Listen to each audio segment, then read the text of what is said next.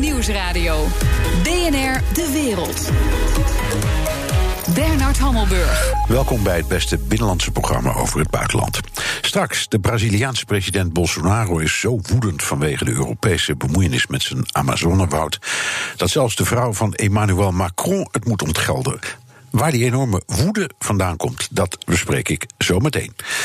Maar nu eerst. De Nederlandse lobbymachine in Brussel hapert dit jaar opvallend vaak. Nieuws is zojuist doorgekomen. Het Europees Parlement heeft besloten uh, geen pulsvisserij meer. Gewoon murf geslagen, kan je wel zeggen. Slaat helemaal nergens op. Hij was erg dichtbij, maar ja, de tweede plek geldt niet in dit soort situaties. Het is Jeroen Dijsselbloem niet gelukt om de kandidaat te worden... voor het voorzitterschap van het Internationaal Monetair Fonds. Dit soort dingen zijn onvoorspelbaar. Natuurlijk, natuurlijk weet ik dat iedereen van tevoren zei... Uh, je wordt... Uh, de nieuwe commissiepresident. Dat werd van alle kanten gezegd. Dat heb ik ook uh, gezien. Het is anders gelopen. Ja, zo gaat dat in de politiek. Ik ga erover praten met Wietse Russen. Hij was jarenlang de Nederlandse toplobbyist in, welkom, uh, in Brussel. Welkom hier. Goedemiddag. Hartstikke fijn uh, om je te ontmoeten. Eerst even over jezelf. Je, je was la, jarenlang een bekend uh, lobbyist. Voor wie?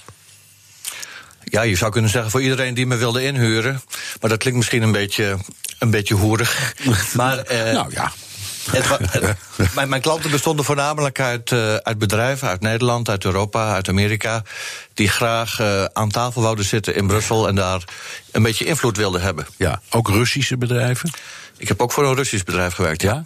En, en wat dan? Wat, uh, dan stel ik me zo voor, dan ben je meteen een agent van Poetin of zo? Of wat? Is dat, dat, niet, dat ja. werd door sommige mensen gedacht, maar dat is natuurlijk niet zo. Uh, dit, was een, uh, dit was een oliebedrijf dat graag uh, ook aan die tafel wou zitten en serieus wou worden genomen, omdat ze veel belang hebben met stations hier bij de pompen in, de, in het Europese landsdeel. En ehm, ja, Zit in Brussel zit iedereen, hè? Amerikanen, Russen, Chinezen. Ja. Dus het is niet zo dat je dacht, de, hier heb ik gewetensbezwaar. Heb je dat wel eens gehad met een klant dat je dacht, daar begin ik niet aan? Uh, ik heb nooit een voorstel gehad waarvan ik dacht dat wil ik niet doen. Ik heb wel uh, één keer een fout gemaakt. Ik heb een uh, jaar lang voor de tabakslobby gewerkt en toen merkte ik dat alle deuren dicht gingen. Terwijl ik zelf vind dat elk product wat legaal is uh, ook een, een, een soort advocaat uh, mag, mag, uh, mag hebben. Zoals het ook in de advocatuur geldt. Maar daar merkte ik dat alle deuren dicht gingen, ook andere deuren. En daar ben ik dus, dus ja. na een jaar ook mee gestopt. Ja, begrijp ik. En nu, wat doe je nu? Ik uh, doe eigenlijk heel weinig meer. Ik ben uh, gestopt met werken vanwege gezondheidsredenen. Ik woon in Spanje en ik probeer wat te schrijven. En heel af en toe kom ik nog over naar Brussel voor iets, uh, voor als het heel leuk is. Ja, noem eens een, nou ja, een wapenfeit. Iets waarvan je zegt, dit heb ik als lobbyist voor elkaar gekregen. Iets, waar heb ik echt een bijdrage geleverd aan wat dan ook. Nou, als ik een voorbeeld mag noemen, dat, was een, dat is een Nederlands bedrijf uh, Nierstar in Nederland, bij Budel, dat is bij Eindhoven.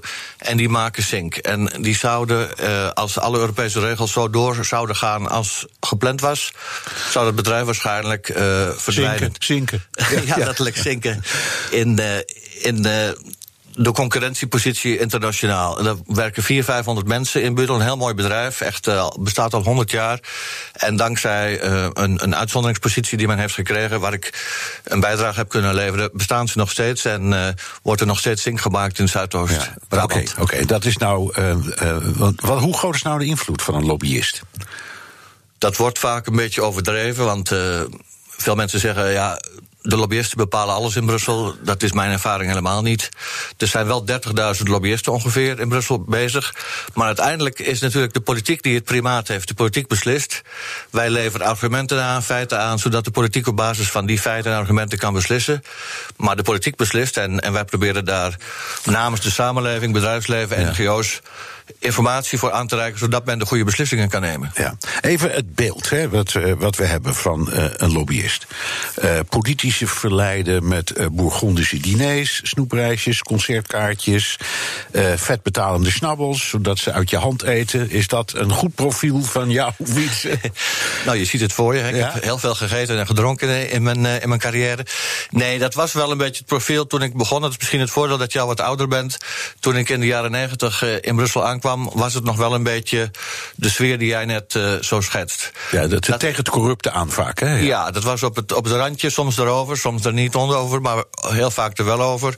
En dat is erg veranderd. Hè. We hebben heel veel regels gekregen, dat heet uh, transparantie richtlijn, het transparantieregister, waar ook Frans Timmermans veel voor heeft gedaan. En met die regels, ook, ook gebaseerd op het Amerikaanse voorbeeld, zijn die, die praktijken die je net beschrijft eigenlijk niet meer mogelijk. Nee, nee. Nou, het is, heeft in de journalistiek ook gegolden. Want ja, wat doe je als je een kop koffie drinkt met een minister? Ik noem maar wat. Wie, wie betaalt dan die koffie? Ja, en, en, en als je nog de voorbeelden kunt herinneren van het parlement, waarin de dochter uh, een baan had op oh ja, kosten ja. van de belastingbetaler of een. Of een een politicus zowel voor een, een, een, de politiek werkt als voor het bedrijfsleven. Met het register kan het eigenlijk niet meer. Als ik een kopje koffie ga drinken met Frans Timmermans, moet dat uh, worden opgeschreven en uh, wordt ook publiek gemaakt. Je krijgt ook geen toegang meer als je het niet registreert. Dus er wordt, is heel ja. veel gedaan om dat, uh, om dat zuiverder te maken. Dat ja. is ook heel goed. Ja, oké. Okay. Um, de, de, Nederlandse lobby is heel veel in het nieuws geweest. Uh, bijvoorbeeld uh, in de kwestie van de pulsvisserij. Daar hebben we glansrijk gefaald. Wat is daar nou misgegaan? Eigenlijk alles. Vanaf het begin is daar uh, vooral geen één front gevormd van de Nederlandse vissers. Men heeft vooral, is vooral voor zichzelf uh, opgekomen. Men heeft natuurlijk die pulsvisserij waarvan je kunt zeggen dat die economisch en ecologisch misschien heel vooruitstrevend was, heeft dat niet gedeeld met andere landen. Heeft er vooral dat voor Nederland willen houden. Niet met de Belgen, niet met de Fransen. En uh, men is daar ver voor de, voor de troepen vooruit gegaan. Door met die pulsvisserij door te gaan. Zonder dat daar een, een, validatie was, zowel wetenschappelijk als politiek. En vervolgens is het met de timing heel veel fout gegaan. Uh, men heeft gedacht, en dat is toch wel een beetje Nederlands. Uh, het, het, gelijk hebben is belangrijker dan het gelijk krijgen. Maar in Brussel is mijn ervaring, gaat het om het gelijk krijgen. Dus je moet bondgenoten uh, hebben. Ja. Men heeft geen bondgenoten. Maar hier, hier was echt, het, mijn gevoel was dat, laten we zeggen, de, de Nederlandse kant, de vissers, maar ook de, de, politiek, er zo van overtuigd was dat dit de redding van de wereld was, dat ze zich niet konden voorstellen dat iemand daar misschien bezwaren tegen heeft. Ja, en dat op basis van één rapport van de Universiteit van Wageningen. Maar als men daar een Europees rapport van had laten maken, zodat dat een Europees, uh, Europese validatie was geweest, was dat natuurlijk veel handiger geweest. Men heeft vergeten, of, men heeft bewust of onbewust vergeten, om andere landen daarin te betrekken. En achteraf zie je heel vaak de hele klassieke reactie: is het de schuld van Brussel? Ja. Um, een, een, een, andere kwestie, Dijsselbloem. Dat, ja. dat ging dan even niet over, ik zou maar zeggen Brussel, maar IMF-baas, omdat uh, Christine Lagarde naar Brussel kwam. Um, Timmermans, ook zo'n voorbeeld, ook mislukt. Uh, die had moeten zitten waar nu uh, von der Leyen zit. Hoe komt het dat zulke dingen mislukken? Even een, even een opmerking over van uh, wat je zegt, het mislukken. Hè. Daar wil ik toch een aantekening op maken. Het is niet een enorme mislukking dat Frans Timmermans natuurlijk de tweede man is gebleven van de Europese Commissie. We hebben al jarenlang als Nederland met Frits Bolkestein, Nelly Kroes en met Frans Timmermans op de tweede plaats in de Commissie een hele hoge positie voor een.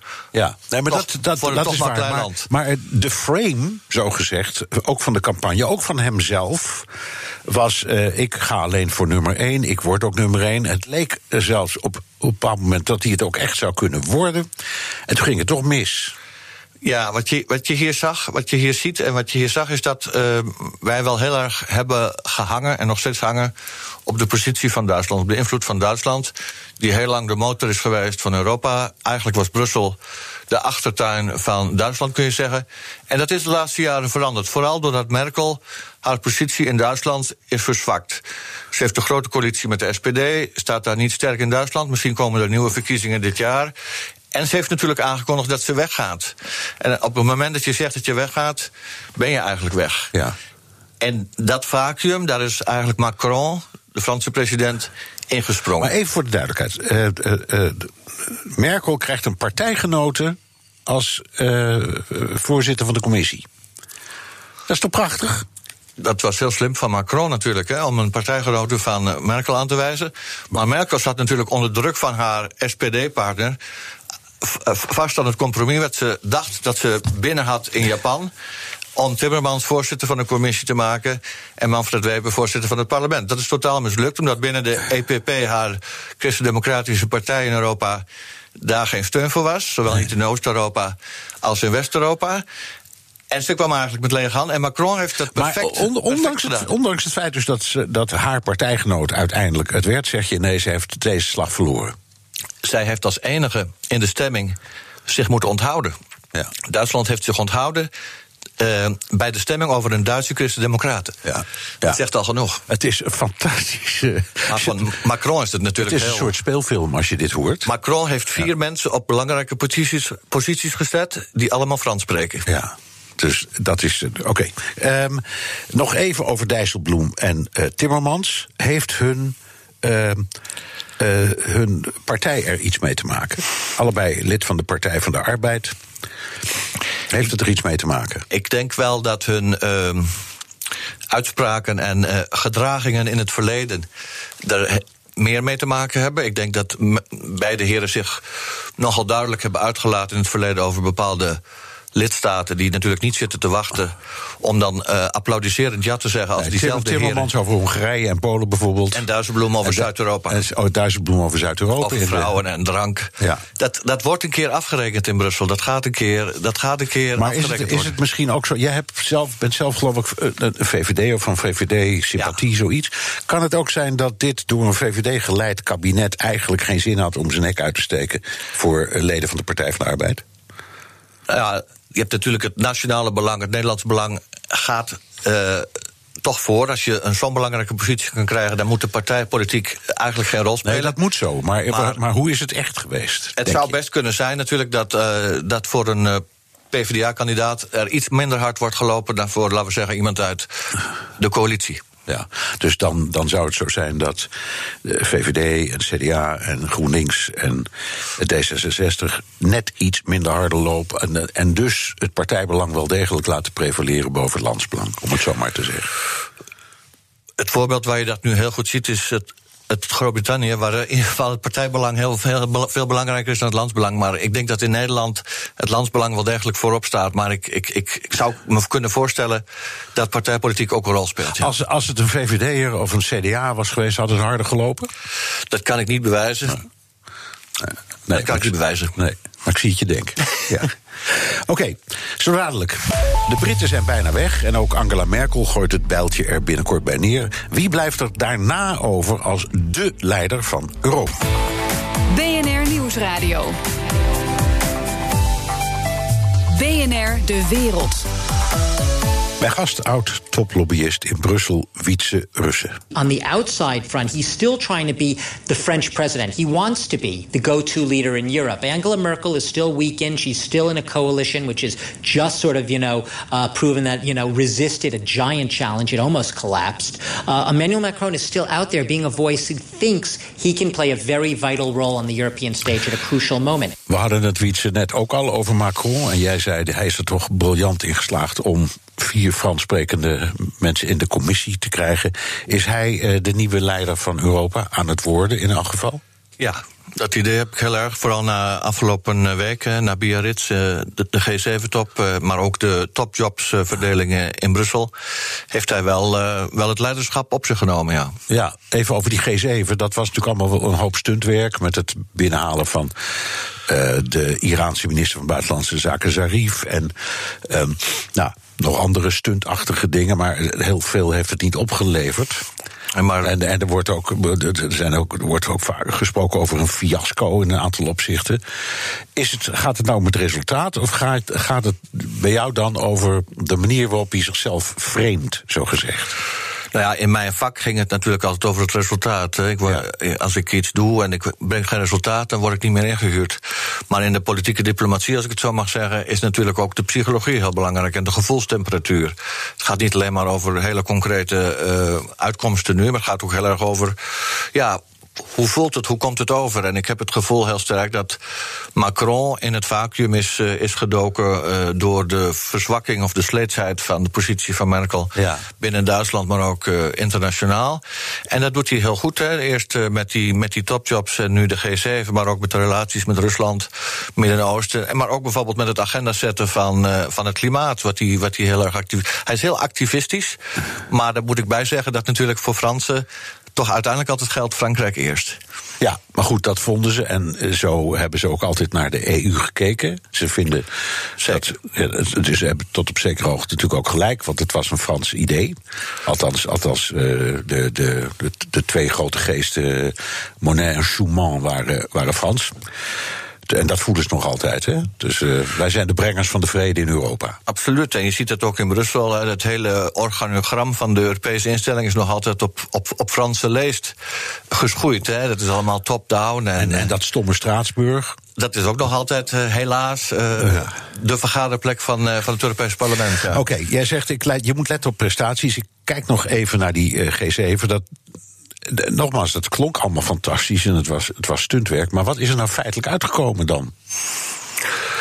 Nou ja, het, het, is, het is belangrijk natuurlijk in een, in een periode, dat zie je overal om je heen, uh, in de Verenigde Staten met Trump, uh, in het Verenigd Koninkrijk met, uh, met Johnson. Ja. Dat er is een enorme verandering van, van polarisatie en van nationalisme op gang. En hij heeft daar vooral, en dat is denk ik het belangrijkste, uh, de belangrijkste uitkomst van de G7, hij heeft daar een multilateraal antwoord op gegeven. Door vooral het multilateraal, dus samenwerken internationaal, ten opzichte van dat egoïsme en dat nationalisme, wat we tegenwoordig veel opgang zien doen, heeft hij een, een, een heel duidelijk antwoord gegeven. Ja. En ik denk dat dat het enige antwoord is wat we kunnen geven als Europa. We moeten niet Nexit of Brexit achter de, achter de dijk blijven zitten. We moeten samenwerken, uh, want de onderwerpen die hij noemde, klimaat, maar ook vrede, uh, energie, milieu, dat zijn onderwerpen die enkel Europees of enkel internationaal kunnen. Ja. Uh, binnen die Unie heeft hij ook te maken met Oost-Europa. Jij, jij zei straks al iets interessants over Frans Timmermans, die, ik zal maar eens even mijn woorden, mijn samenvatting dan, nou niet bepaald vrienden heeft gemaakt. Mhm. Uh -huh. En dat heeft misschien resultaat, tot resultaat gehad dat hij niet geworden is wat hij wilde. Uh, uh, Macron ziet diezelfde dingen gebeuren in Hongarije en Polen en noem maar op. Is hij in staat met zijn visie om die landen uh, erbij te houden, er terug bij te halen? Ja, ik, ik, hoop het wel. Op dit moment heeft, heeft Merkel die positie blijkbaar niet meer. Daar, gaat je, dat, dat heb je, daar heb je Merkel, die belt op jou. Ja, die belt. Ja, ik zet gsm. Ja. Uh, dus ja, in dat vacuüm, uh, het hangt ook een beetje af van hoe, hoe het met de Duitse regering gaat uh, aan het eind van het jaar. Als daar een evaluatie plaatsvindt van, het, uh, van de huidige grote coalitie. Ma Macron heeft een, heeft, een, heeft een mandaat om dat, om dat te doen. Hij heeft ook mensen neergezet in Brussel die eigenlijk een beetje wisselgeld hebben gecreëerd. Dus die moeten ook, ook iets terug doen wellicht. Dus ik hoop dat hij, maar ik denk dat de manier waarop tot nu toe wordt getracht om landen binnenboord te houden met dreigementen en met rode kaarten en met sancties. Artikel 7, Artikel en het 7. stopzetten van de bijdrage en het stemrecht ontnemen. Ja. En dat is niet de weg. Als je daar al mee begint, dan ben je natuurlijk al uh, vanaf het begin af aan heb je al verloren. Het is natuurlijk niet de manier om, om, uh, om, uh, om landen en mensen bij elkaar te brengen. Nee, dus nee. ik, ik, ik hoop dat hij, misschien hij, misschien ook de nieuwe commissievoorzitter of de nieuwe raadsvoorzitter een belangrijke rol in kunnen spelen. Dat, ik denk dat een derde van de lidstaten zich vandaag niet aan de grondrechten en de basisprincipes van de EU houden. Dat is natuurlijk een heel groot probleem. Ja. Maar ik zeg wel, als je daar inderdaad op inhakt met allerlei zware maatregelen en boze woorden, ja, dan krijg je dus een soort vervelende sfeer waar je niet meer uitkomt. En daar is Timmermans een van de slachtoffers van geweest. Ja, maar goed, hij heeft het ook zelf heel bewust gekozen, dit uh, beleid. Nou ja, het, is ook, het staat ook in het verdrag. En het is natuurlijk zijn taak om het om verdrag... toe te zien. Uh, ja, om daarop toe te zien dat het wordt nageleefd. Het wordt niet nageleefd in heel veel landen. We moeten ook kijken wat het met Italië gebeurt. Er wordt vandaag gesproken over een artikel 7-procedure tegen Groot-Brittannië... die natuurlijk ook de democratie op dit moment uh, om zeep helpen. Maar in zo'n Europese Unie moet je natuurlijk wel, wel goed kijken van hoe willen we met elkaar omgaan. En, en, maar met, met, met deuren slaan En rode kaart ik niet dat, je. Daar, daar red je het niet mee. Dus, dus laten we zeggen. Veel diplomatie is nodig. En dat is denk ik voor Macron uh, is daar de uitgelezen man voor. Dus waar, waar de Financial Times over schreef, bijvoorbeeld over die begrotingsregels, versoepeling en wat meer rekening houden met uh, elkaars uh, opvattingen en problemen, dat is misschien een betere weg dan dreigen. Ja, dat vind ik wel. Ja. Ik vind altijd dat, uh, dat de, de boel vloeibaar moet blijven. Ja. In, in, plaats van dat het allemaal verstart en harder wordt. Nou, dus... nou, even Nederland. Nederland staat ook in die discussie over die begroting bekend als, ik zal maar zeggen, zeer Calvinistisch. Uh, spijkerhard, daar kan niet aan worden getornd. Uh, wat betekent dat voor de positie van uh, Nederland binnen de Unie? Hoe zien ze ons eigenlijk? Wel eens een beetje als een zeurend kind. Dat altijd zijn zin wil hebben en altijd maar over de cijfertjes wil praten. En Europa is natuurlijk veel meer dan alleen maar een begroting en de cijfertjes. Als je alleen maar kijkt naar. Uh, we willen er minder instoppen in Europa ik denk dat we meer moeten naar een, naar een sfeer van we, we, willen er meer uithalen in plaats van er minder in stoppen. Het is een, het is een project, we zijn een van de founding fathers van de EU, dat uh, vrede beoogt en daar zeer succesvol in, is geweest. Een interne markt van uh, 500 miljoen consumenten. Het heeft ontzettend veel te bieden. En als je die hele discussie van binnen de internationale orde van vandaag met een Verenigde Staten die eigenlijk de rug naar ons toe draaien. Met een sterk China aan de andere kant. Waar wij eigenlijk worden ge, gesqueezed tussen die twee grootmachten. Verenigd Koninkrijk dat de rug toekeert. Ja. Is het denk ik nodig dat wij een visie ontwikkelen op de positie van Europa binnen die, binnen die sterke machtsverhoudingen. En niet alleen maar uh, boekhoudertje spelen. Nee, nou hoor je ook uh, dat uh, een van de redenen voor Rutte om bij Trump op de zoek te gaan was dat hij dacht: Merkel valt weg. Het Verenigd Koninkrijk valt weg. Uh, ik ben misschien de ideale trait tussen de Verenigde Staten en Europa. Zie je, als jij dat bekijkt als lobbyist, denk je, nou, ik zie daar wel een kansje. Of denk je, dit is, gelet op hoe ze over Nederland denken, een, een hopeloze weg? Nee, ik, ik, ik ben dat met je eens. Ik vind dat wel degelijk een kansje. Omdat als het Verenigd Koninkrijk het Verenigd Koninkrijk wegvalt, wij natuurlijk zeg maar de meest Atlantische mercantiele lidstaat zijn van de Europese Unie. Dus ook automatisch een Atlantische aanspreekpunt voor, voor, de, voor de Verenigde Staten. Het is wel zo dat als het Verenigd Koninkrijk, weg, Verenigd Koninkrijk weggaat dat dat ook uh, een bedreiging is voor ons, omdat de Frans-Duitse as daarmee heel belangrijk wordt. En ja, dat begrijp ik. Dat is natuurlijk die Frans-Duitse as, dat is de kern van de Unie en die wordt alleen maar sterker. Die wordt dan alleen maar sterker. Ja. En toen ze met drie, als ze met z'n drieën zijn, met Verenigd Koninkrijk, Verenigd Koninkrijk erbij, geeft het natuurlijk veel meer kansen voor Nederland. Want je kunt veel makkelijker aanhaken of inbreken op een trio dan op een, uh, dan op een heel goed huwelijk. Uh, en met... Ja, maar dit gaat dan over laten we maar zeggen, hoe de Unie als geheel naar buiten treedt tegenover de Verenigde Staten bijvoorbeeld. En dan, dan zou dat kleine landje met deze op, opgewekte premier, ik zal maar zeggen, Atlanticus. Atlanticus. Ja, misschien, misschien, misschien zo'n rol wel kunnen vervullen. Zeker, hij heeft ook al een keer nee gezegd tegen Trump, wat uh, de wereld is overgegaan. Dus ja. hij durft ook als een van de weinigen tegen Trump op te treden. Dus wat dat betreft zou hij een, inderdaad een perfecte, wat jij zegt, trait d'union zijn tussen de EU en de Verenigde Staten, absoluut. Ja. Um, nu eventjes de, de commissie zoals die wordt. Daar zit niet één van die spitsenkandidaten in. Hè? Nee, de spitsenkandidaten uh, was, was dat is nu, wel van tafel. Was dat gewoon een slecht idee en moeten we dat maar niet meer doen? Want ja, Timmermans scoorde goed in Nederland omdat we hem hier kennen.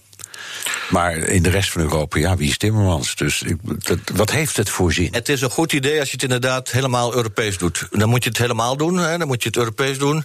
Dan zou het een goed idee zijn om. Uh, want het principe is goed, hè, om, om, een, om, een, om een voorzitter te krijgen van de commissie die door het volk, of als je wilt, of door de kiezers wordt gedragen. Maar het blijft natuurlijk een nationale verkiezing vandaag. Het is geen echte Europese verkiezing. En dat is een beetje het probleem met heel Europa. Hè. We, geven een beetje macht weg. En later klagen we dat de Europese Unie niet effectief is. Maar we stellen het zelf ook niet in staat om het effectief te kunnen zijn. Nee.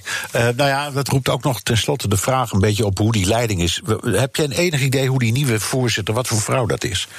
Is zij eentje die steviger leidt dan Juncker? Want dat was nou niet bepaald een leider. Het lijkt me, het lijkt me niet moeilijk om steviger leiderschap te, te laten zien dan, uh, dan onder Juncker. En als ik haar zo zie als, als minister, maar ook als, uh, ook als moeder van zeven kinderen. Ik, ik heb zelf uh, weinig ervaring daarmee. Maar ik denk dat je, als je een gezin met zeven kinderen kan managen. Het ministerie van Defensie. dan, uh, dan heb je wel degelijk leiderschapskwaliteit. En, en heel snel. Je zegt Timmermans behoudt toch een mooie positie. Zeker. Wat hij precies wordt, weten we niet. Maar, maar krijgt hij het lastiger met deze baas? Het is denk ik een hele uh, stevige uh, dame. En ik uh, ken Frans Timmermans een beetje. Dat is ook een hele stevige meneer. En ik weet niet of Frans Timmermans het zo makkelijk vindt om voor een stevige dame te werken. Maar het is natuurlijk niet helemaal zijn baas. Maar zo voelt het wel een beetje. Ja, zo voelt het zeker. Oké, heel hartelijk dank voor dit gesprek. Wietse Russen.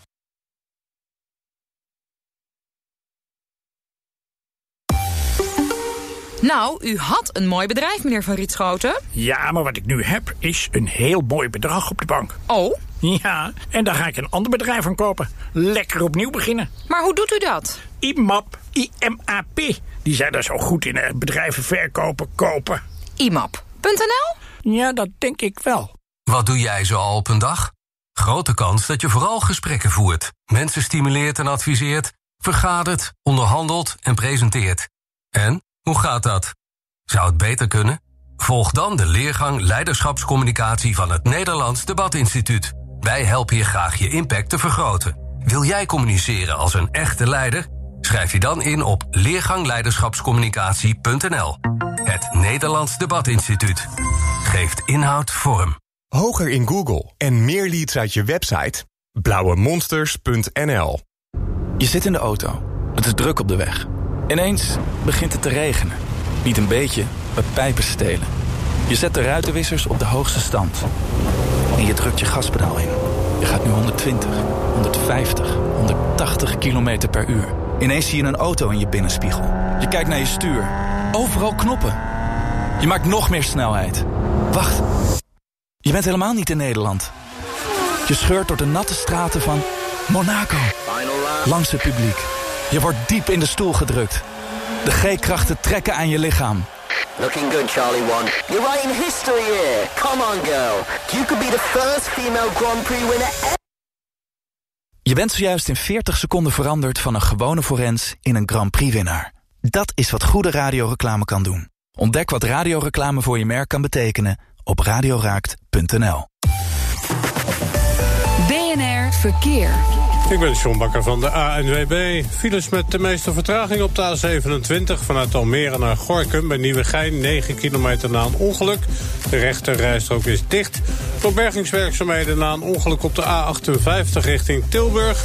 Bij Moergestel 11 kilometer. Daar is de linkerrijstrook dicht. In beide gevallen is de vertraging drie kwartier. En Flitsmeister meldt onder meer flitsers op de A35 Enschede-Almelo. In beide richtingen bij kilometerpaal 50,6.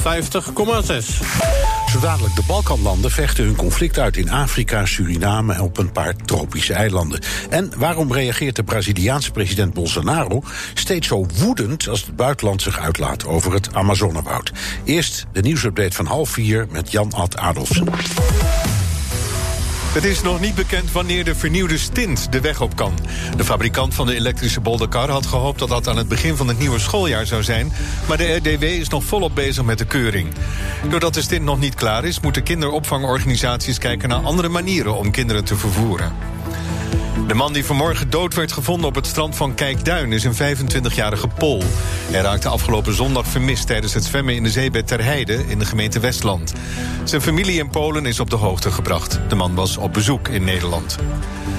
De werkzaamheden aan oudere trams in Amsterdam zijn voorlopig stilgelegd vanwege de schadelijke verf Chroom 6 die erop is gevonden. Totdat de risico's in kaart zijn gebracht, mogen werknemers niet aan de trams lassen, slijpen en schuren. Werk aan de binnenkant kan wel doorgaan. Het kankerverwekkende chroom 6 werd tot een tijdje geleden gebruikt als roestwerend middel in verf. Tegenwoordig mag dat niet meer. In Utrecht zijn drie agenten gewond geraakt toen ze een man in zijn huis wilden arresteren die werd gezocht voor heling. Ze moesten met kneuzingen naar het ziekenhuis. Het kostte de politie veel moeite om de man onder controle te krijgen. Hij probeerde ook nog van het balkon te springen. Waarschijnlijk had hij drugs gebruikt. Judoka Noël van het End is in Tokio wereldkampioen geworden in de klasse tot 90 kilo. Het was zijn eerste medaille ooit op een WK of EK. Marinde Verkerk was in 2009 de laatste Nederlandse judoka die wereldkampioen werd. Het weer. Vanavond verdwijnen de meeste wolken en schijnt de zon nog een tijdje. Vannacht koelt het flink af. Morgen wat meer zon, het blijft droog en het wordt een graad of 24. De beurs tot slot. De AEX staat 1,3% hoger op 555,3. En in New York wordt ook gehandeld. En na een paar minuten staat de Dow Jones op een plus van 1,2% BNR Nieuwsradio. BNR De Wereld. Bernard Hammelburg. De Balkanvijanden Servië en Kosovo doen er alles aan om elkaars integratie in de Europese Unie te dwarsbomen. De laatste pion die in verzet is in het schaakspel tussen die twee, het Afrikaanse land Togo. Europa-verslaggever Jesse Pinster, net terug uit de Balkan. Togo, wat heeft Togo met de Balkan te maken? Ja, meer dan je zou denken. Het is namelijk het, het West-Afrikaanse land is het laatste land dat Kosovo eerst wel erkende. Maar inmiddels dat niet meer doet. In ieder geval dat meldt de Servische eh, regering. Uh, eergisteren was dat een klein beetje achtergrond. Kosovo was lang een deel van Servië. Tot de oorlog eind jaren 90. En in 2008 hebben ze toen hun onafhankelijkheid uitgeroepen. En sindsdien is er eigenlijk tussen Servië en Kosovo een soort strijd gaande. Waar de ene partij probeert landen te vinden die hun willen erkennen. Kosovo en Servië probeert die landen juist weer af te snoepen. En die strijd gaat de hele tijd door. En die uh, Serven die zijn wel blij met hoe het gaat de afgelopen pak een beetje twee jaar. Want Togo is het vijftiende land dat ze hebben mogen bijschrijven op dit illustre uh, lijstje. Even een paar andere: Grenada, Suriname, Liberië, Santomé en Principe, Guinea-Bissau, Burundi, Papua Nieuw-Guinea en Lesotho. Dus je, ja, je hoort dat zijn echt de grote jongens die door de Serven uh, ja. binnengehaald worden. Ja, dat zijn de landen waar je dagelijks hoort praten. Juist. Wat probeert de Servische regering hiermee te bereiken? Of is het alleen maar wraak nemen? Het is een beetje wraak nemen. Zij zeggen: we hebben afspraken gemaakt dat we nou niet allemaal landen gaan recruteren. Maar nou, die afspraak maakten we. En toen waren er 80 landen die Kosovo erkenden. En toen waren er op ineens uh, waren daar 116. Dus nou ja, die zijn we nu weer aan het uh, terugsnoepen. Maar het doel is ook om gewoon ervoor te zorgen. Het streven is de, dat minder dan de helft van de landen die in de VN zitten, in de Verenigde Naties, dat die Kosovo niet meer erkennen. Dan kan Kosovo niet eens meer als een soort waarnemend lid daar gaan zitten. Volledig lid zal toch niet lukken, omdat de Russen en de Chinezen dat in de Veiligheidsraad wel uh, tegen zullen houden. Maar het is de bredere strategie van Kosovo buiten alle internationale organisaties uh, proberen te houden. Nou, Interpol is dat toen ook gelukt. En toen sloegen die Kosovaren terug en die zeiden... alle Servische goederen die de grenzen overkomen... daar komt een heffing van 100% op, een importheffing. Ja, kan uh, wat die landen doen, kan dat? Kun je een land eerst erkennen en vervolgens dat weer intrekken? Ja, de Kosovaren zeggen dat kan inderdaad helemaal niet. En ik ben dat toch eens een beetje na gaan vragen. Dus ik sprak een, sprak een hoogleraar internationaal recht daarover. Ja, en die zei: Ja, volgens mij is er niet een soort formele regel die dat onmogelijk maakt. Ja, je kan zeggen: Ja, wij erkennen jullie. Je kan ook zeggen: Wij erkennen jullie niet meer. Want ja, het gaat vooral natuurlijk om de praktische uitwerking daarvan. Dus als je Suriname, een van die landen op die lijst, zeggen van: Ja, uh, wij hebben geen diplomatiek contact meer met uh, Kosovo.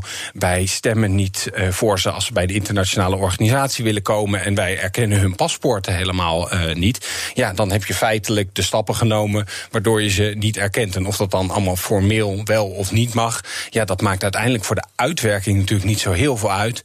Behalve dan voor die cijfers. Want ja, in Belgrado en in Pristina zitten ze alleen maar te tellen van hoeveel landen zijn. Ja. En ja, in die PR-oorlog maakt ieder landje, of het nou Togo is of een ander land, maakt uit. Ja, het allemaal, hebben allemaal dezelfde. één stem is een stem voor. Ze zijn net zo machtig als Nederland. Ja, ja.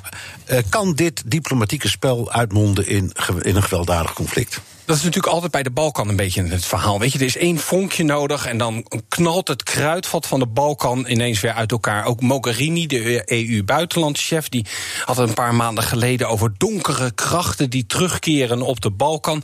Ik ben daar toch wat voorzichtig in om dat soort dingen gelijk te gaan roepen. Maar het heeft wel gewoon effect op mensen die daar leven. Ik ben net in Kosovo geweest en ik sprak daar bijvoorbeeld een, een oud bankier. Die was altijd bezig met microkredieten. Heeft jarenlang in Afrika, in Mozambique gewerkt om advies te geven als consultant daar. Die kreeg nog steeds allemaal werk aangeboden. Maar dat was in allemaal landen die Kosovo niet erkenden. Dus hij kon daar simpelweg met zijn Kosovaarse paspoort niet naartoe om daar te gaan werken. Dus voor mensen heeft het zeker uitwerking. Maakt de EU zich hier druk over? Dus de, de nieuwe Voorzitter van de commissie, Ursula von der Leyen, is voor haar een punt? Ja, ze heeft wel gezegd dat uh, de, de, de Balkan echt een prioriteit wordt. Nou ja, we hebben gezien dat ze eigenlijk de EU heel weinig voor elkaar heeft gekregen in de afgelopen uh, jaren daar. Ook omdat de wortel die je de Serven aanbiedt, dat is EU-lidmaatschap. Ja, de Fransen, de Nederlanders, die willen eigenlijk helemaal geen nieuwe landen in de, binnen de Europese Unie hebben. Dus die werkt niet echt. Dus ja, het zal straks aan een Spanjaard zijn, Borrell, die de nieuwe buitenlandschef wordt om dat te gaan doen. Laat Spanje nou net een van de Europese landen zijn die Kosovo niet herkennen. Dankjewel. Europa-verslaggever Jesse Pinster. The Donald Show. Donald Trump lijkt de laatste tijd nog wilder om zich heen te slaan dan anders. Amerika-correspondent Jan Postma vanuit Washington. Hadi Jan. Uh, Trump is, uh, is nogal opgefokt de laatste tijd als je zo kijkt. Wat is er aan de hand? Ja, ja, hij is een beetje op oorlogspad. Hè. We, hadden, vrijdag al die tweets over de economie... waarin hij uh, Amerikaanse bedrijven opdroeg uh, om terug naar de VS te komen. Uh, ruzie met Powell van de Fed. dat hij zei, wie, wie is een ergere vijand, Xi Jinping of Powell? nou, dit weekend de G7, waar het dan niet tot ruzie kwam... maar waar Trump echt wel geïsoleerd stond. was niet bij het klimaatonderdeel. Hij wil Poetin bij de G7, G7 allemaal dingen. ook dat, dat verhaal dat hij zijn eigen Trump-resort als volgende locatie noemde allemaal dingen dat je denkt, nou, waar is die man mee bezig? En ook uh, veel ruzie op Twitter. Hij heeft zelfs ruzie met Fox News. Did Fox News just lose one of its most faithful viewers? President Trump taking to Twitter to accuse the network of, quoting now, heavily promoting Democrats. He said that on Twitter, and then he went on to tweet this. The new Fox News is letting millions of great people down. We have to start looking for a new news outlet. Fox isn't working for us anymore. Ja, en hij uh, dreigt dan ook Trump. Uh, ik stap over naar One American News Network. Dat is een, een, betaalzender, een rechtse betaalzender. En ja, al die berichten bij elkaar. Dan zie ik hier in Amerika ook weer uh, berichten verschijnen dat Trump in zou storten, dat het einde nabij is. Nou, dat geloof ik niet. Maar ik denk wel, hij staat onder, de, onder druk. En, en Trump die wordt dan alleen maar meer Trump. Ja, en hoe verklaar jij dit hoor? Waar komt dat gedrag van Trump vandaan? Nou, uh, Trump zal dat zelf nooit toegeven natuurlijk. Uh, maar ik denk wel dat hij zich een beetje zorgen maakt. Uh, hij, hij, is natuurlijk iemand die altijd kracht wil uitstralen. Hè? De sterke leider, een beetje de, de, de, ja, de personage die hij ook speelde in The Apprentice. Die tv-show waar hij in, in speelde. Eigenlijk die reality show. De man die nooit twijfelt. Maar we horen wel dat er ook wel wat stress is in het Witte Huis. Ook bij Trump. we zijn nu bijna een jaar tot de verkiezingen. Trump maakt de balans op. Ziet dat er een paar van zijn grote beloftes ja, echt onder druk staan. Nog niet gelukt zijn. Economie bijvoorbeeld. Er zijn waarschuwingen voor een recessie. Nou, dat, dat moet nog maar gebeuren. Maar dat is Trumps grootste verkoopargument voor herverkiezingen. Uh, die, die, handelsoorlog met China, die langer duurt dan verwacht. Uh, en die ook zijn supporters kan raken. Uh, we horen wat gemor bij, bij boeren. En terwijl november 2020 dichterbij komt, wil hij eigenlijk wil hij niet dat, dat die prioriteit nummer één dat die wegvalt, de economie. maar verder op zijn lijstje ook nog die muur met Mexico. Hè. Hij heeft beloofd dat er, ik geloof, 500 miles aan nieuwe, nieuwe muur zou staan voor de verkiezingen. Nou, dus 60 uh, mijl aan bestaande muur vervangen. Dus dat, dat kan hij ook nog niet afstrepen. Nee, maar en hij wil hem toch graag bouwen? Ja, de, Washington Post schrijft heel graag, want de, die schrijven dat Trump beloofd uh, uh, heeft dat ambtenaren die de wet overtreden bij het bouwen van de muur, dat hij die gratie zal verlenen. Dus alles als die muur er maar komt, dat kan gaan om bijvoorbeeld landonteigeningen die gewoon iets te snel niet helemaal volgens de regels gebeuren, milieuwetten. Ja, als ze die overtreden, Trump die gaan ze er wel, ja, die helpt ze dan weer van hun straf af, want die muur moet er gewoon heel snel komen. Hij ontkent trouwens weer dat hij dat gezegd heeft. en ja, die muur is een hele concrete belofte. Dat, dat, dat, wordt, dat build the wall wordt nog steeds geroepen bij speeches. Je ziet mensen met shirts rondlopen. Ja, dan moet hij er wel komen natuurlijk. Even heel snel, tenslotte nog. hoe staat het met de peilingen? Ja, nou ja, daar zie je ook uh, allerlei aanwijzingen dat het wat minder goed gaat. Um, Trump pakt altijd de positieve uitschieters. Hè. Maar als je bijvoorbeeld kijkt naar de approval ratings, hè, hoe populair is Trump? Uh, bij de gemiddeldes, de twee grootste sites, die geven dan allebei aan 43% disapprove en 54, sorry, approve, 43 approve en 54 disapprove. Dus 54% is het niet eens met hoe Trump het doet. En ook een paar belangrijke, eigenlijk alle belangrijke swing states. Uh, daar zie je ongeveer dezelfde cijfers. En dat zijn veel agrarische gebieden. Uh, dat zijn dus plekken waar die handelsoorlog invloed heeft. Het is nog heel vroeg natuurlijk. Uh, en Trump zegt altijd: ik geloof die peilingen niet. Maar ik denk wel dat hij op dit moment denkt: oké, er moet iets gebeuren, een eindsprint. Dankjewel, Amerika-correspondent Jan Posma. Zo dadelijk, de Braziliaanse president Bolsonaro slaat woest om zich heen als reactie op de buitenlandse bemoeienis met het brandende Amazonewoud. Waarom is die inmenging zo pijnlijk voor hem? Dat bespreek ik dadelijk met Brazilië-expert Marike Riethoff. BNR Nieuwsradio. BNR De Wereld. De Braziliaanse president Jair Bolsonaro is absoluut niet gediend van buitenlandse bemoeienis met zijn Amazonewoud dat in brand staat en niemand wordt gespaard. We know that there has been an ongoing feud between the two leaders on social media. Mr. Bolsonaro making a sarcastic comment mocking the French First Lady's physical appearance. Qu'est-ce que je peux vous dire C'est triste, c'est triste. Mais c'est triste d'abord pour lui et pour les Brésiliens. Ik ga erover praten met Marieke Riethoff, universitair hoofddocent Latijns-Amerikaanse politiek aan de Universiteit van Liverpool, gespecialiseerd in Brazilië. Fijn dat u er bent. Um, Bolsonaro pikt die buitenlandse bemoeienis dus absoluut niet. Waarom is dat zo een gevoelige kwestie voor hem? Nou, het is voor um, Brazilianen in het algemeen uh, een probleem om um, het buitenlandse inmenging met, uh, met het binnenlands beleid en ook het Amazonegebied. Um, dus Brazilianen voelen over het algemeen dat de Amazone eigenlijk alleen maar de verantwoordelijkheid van Brazilië is. En niet zozeer van buitenlanders die zich um, daarover zorgen maken. Ja. En specifiek voor Bolsonaro is het zo dat hij ook vindt dat het protectionisme is. Dus uh, dus er ligt geen milieubewustzijn achter, maar uh, het idee dat Europa uh, Braziliaanse producten gaat tegenhouden met dit soort maatregelen, milieumaatregelen in ja. de Amazone. Ja, er zit misschien ook iets hypocriets in. Hè?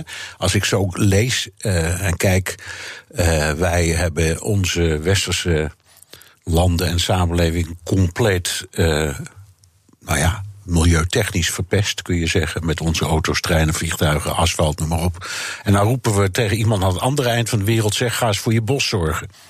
Dat argument heeft Bolsonaro ook gebruikt. Hij heeft ook gezegd van uh, de 20 miljoen. Um, dollar dat uh, die de EU of de G7-landen aan Brazilië wil geven om, uh, om de branden te bestrijden. Dat, is, dat zouden ze beter voor hun eigen ontbossing kunnen gebruiken in ja. plaats van. Uh, nee, heeft, hij nog, heeft hij nog een punt ook? Dat kun je, kun je niet ontkennen. En bovendien, ja, hij vond het ook. Hij was eerst heel beledigd hè, over die 20 miljoen. nou, nou is het natuurlijk ook een fooi voor de, de rijkste landen van de wereld. Dat, ja, ja, dat is wel zo. Ja, wie schreef dat ook weer van de week? Ik, ik geloof Sheila Sital Singh in de Volkskrant. Uh, er, er, is uh, meer geld opgehaald voor het herstel van de Notre Dame dan voor het bestrijden van, de, van die branden. Dat klopt, ja. En op dit moment is er geen zekerheid over hoeveel er precies nodig uh, is om, om dit te bestrijden. En de branden breiden zich uit. En, andere Latijns-Amerikaanse landen hebben wel aangeboden om hulp te bieden. Maar op dit moment is het nog onduidelijk hoe dat af gaat lopen. Ja, maar goed, het is, het, het, het is, hij is een populist, dat weten we. Hij lijkt op Trump, dat weten we ook, Bolsonaro. en hij heeft er ook een hele persoonlijke strijd van gemaakt tegen Macron. Is een vrouw gaan beledigen. Um, en nou goed, hij doet wat hij doet, maar ik, wat, wat mij echt interesseert is hoe denken de Brazilianen nou over deze hele kwestie? Over die branden, over de manier waarop Bolsonaro het aanpakt, over de manier waarop hij tekeer gaat tegen Macron, dit soort dingen. Hoe kijken ze er tegenaan? Nou, ongeveer een week geleden um, kwamen er foto's uit Sao Paulo. En dat is duizenden kilometers van het uh, Amazonegebied. Die lieten zien dat er, uh, dat, uh, dat er rook van de bosbranden te zien is. zelfs op die afstand.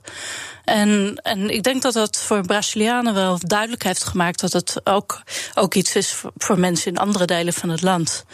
En Brazilianen die, die maken zich ook erg druk om wat mensen internationaal van Brazilië denken. Um, dus, dus die, die, die, die, die, die, die luisteren wel als wij in het Westen mopperen. Die Zeker. trekken ze gaan. Ja. En de president zegt: donder op. Daar komt het op, op neer. Ja, inderdaad. Um, um, ze willen natuurlijk dat, uh, en dat wil Bolsonaro zelf ook, dat hij een soort wereldleider wordt uh, en invloed heeft internationaal. Maar het imago van Brazilië, dat, uh, dat heeft wel invloed over hoe mensen ja. Bolsonaro zien. Nu even kijken of we iets van het uh, probleem kunnen begrijpen. Omdat er zijn heel veel Brazilianen die zeggen: ja, je kunt zeggen wat je wil, dat begrijpt ook allemaal wel, maar we hebben die bosgrond nodig voor bouwgrond. Dus we moeten iets, we moeten bomen hakken. En ik heb de indruk dat Bolsonaro daarop inspeelt. Ja, dat klopt. En dat eh, was een van zijn uh, campagnebeloftes. Dat, uh, dat hij de, het Amazonegebied zou ontsluiten. Of nog meer ontsluiten dan het nu al gebeurt. En het is natuurlijk zo dat de kleine boeren die, die, ja, die steken wel eens bos in brand. En die gebruiken dat uh, voor een klein, heel kleinschalige landbouw. Maar het grote probleem is eigenlijk de grote agrarische bedrijven zoals sojabonen. Uh, de vleesproductie en soja zijn van de grootste exportproducten van Brazilië. Dus er zit ook een economische kant aan van. Uh, ja. Je begrijpt dus wel waarom ze het doen, al vinden wij het vervelend. Maar oké, okay. de, de, economie zat uh, geweldig in het slop toen Bolsonaro aantrad. En zijn verkiezingsbelofte was: ik ga het allemaal oplossen. heeft hij het opgelost? Nee, nog niet. Nee, um, de, op, op dit moment is de, Braziliaanse munt, de real, is flink aan het dalen ten opzichte van de dollar. Dus dat dat weerspiegelt ook wel de staat van de economie in Brazilië. Dus er is hoger um, werkloosheid. Uh, economische problemen die Bolsonaro waarschijnlijk niet op korte termijn gaat oplossen. Nee. Uh, wat is het grootste probleem? Gewoon economisch. Uh, want Nou. het is een land met een gigapotentieel. Het, het, wordt altijd, het, het viel onder de BRIC-landen. Dus uh, veelbelovend. En daar kon je geld verdienen. Dus wat is de, de, de crux of de kern van het probleem? Nou, in, ongeveer tien jaar geleden is Brazilië uh, zich vooral gaan richten op export van. Uh, natuurlijke hulpbronnen uh, zoals soja, um, uh, ijzererts, olieproducten. En voornamelijk naar China. Dus Brazilië, dat eerst nogal goede industriële productie had, is nu meer afhankelijk geworden van die hele ja, moeilijke producten. En Ja. heel, heel erg afhankelijk van China. ook. En, en die relatie met China wordt er niet beter op, Nee. als ik goed lees. Dus, dus als je je belangrijkste exportdoel uh, kwijtraakt, dan heb je een probleem. Zit het zo een beetje in elkaar? Ja, dat klopt. Uh, want uh, China is zich erg van bewust dat Brazilië afhankelijk is. Dus die zijn niet heel blij met, met Bolsonaro's uitspraken over onafhankelijkheid. En, uh, ja, maar uiteindelijk gaat het de Chinezen altijd om het kopen van een product. Ja. Dat willen ze. Dus ja, dat iemand iets onaardigs zegt. Of is het echt zo ernstig dat daardoor de export naar China uh, is, is uh, verhinderd? Nee, uh, dat is niet gebeurd. En ik denk ook niet dat het realistisch is om dat om te zetten in andere markten um, op dit moment. Nee. Um, hij heeft ook, het, het, is een homofoob. Hij heeft krankzinnige teksten over homo's. Hij is in het algemeen, laten we zeggen, op het gebied van uh, omgangsvormen nou niet een voorbeeld. In ieder geval verbaal niet. Hoe valt dat bij de bevolking? Um, ten dele vinden uh, mensen dat uh, verfrissend, omdat ook een groot deel van zijn stemmers van de evangelische kant, die, die zijn het wel met hem eens. Maar anderen, ja, je ziet dat ook wel in de opiniepeiling, hij is niet zo heel populair op dit moment. Minder populair dan Trump.